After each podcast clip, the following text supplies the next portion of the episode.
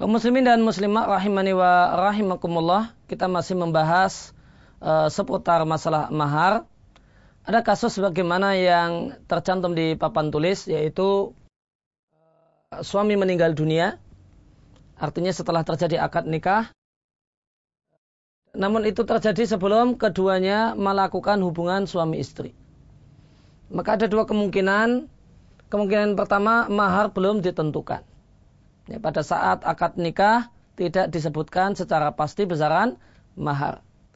Kemungkinan yang kedua, mahar telah ditentukan. Maka jika mahar telah ditentukan 5 juta misalnya, meskipun pada saat tersebut belum diserahkan, maka yang menjadi hak hak seorang istri dalam kondisi ini adalah dia mendapatkan mahar utuh sebagaimana yang disebutkan yaitu 5 juta rupiah. Kemudian karena dia berstatus adalah seorang istri yang ditinggal mati oleh suaminya, maka dia punya kewajiban untuk menjalani masa iddah karena ditinggal mati oleh suami yaitu 4 bulan 10 hari. Kemudian karena dia adalah berstatus seorang istri maka dia berhak untuk mendapatkan warisan dari harta yang ditinggalkan oleh suaminya. Namun lain halnya sedikit ada sedikit ada ketentuan yang berbeda manakala mahar belum ditentukan. Saat akad nikah, besaran mahar belum disebutkan. Karena disebutkan saja belum, tentu belum juga diserahkan. Maka dalam kondisi ini, perempuan ini berhak untuk mendapatkan mahar misal. Mahar standar untuk perempuan semisal dirinya. Dengan latar belakang semisal dirinya. Boleh jadi dengan latar pendidikan semisal dirinya.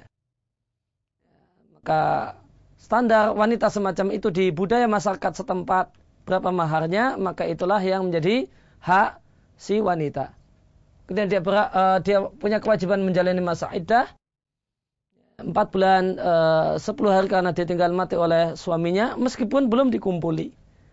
Namun itu tetap suaminya yang punya hak sebagai seorang suami yaitu istri menjalani masa idah ketika ditinggal mati olehnya.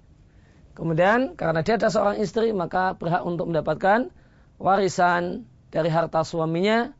Jika suaminya memiliki keturunan karena nikah dengan duda, duda punya anak, maka istri ini hanya seperdelapan dari harta, total harta suami.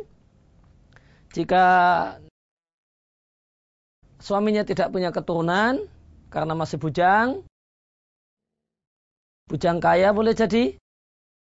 Kemudian nikah dengannya, maka dia punya hak seperempat dari harta suaminya. Ya demikian ketentuan hukum, ketentuan syariat untuk kasus semacam ini.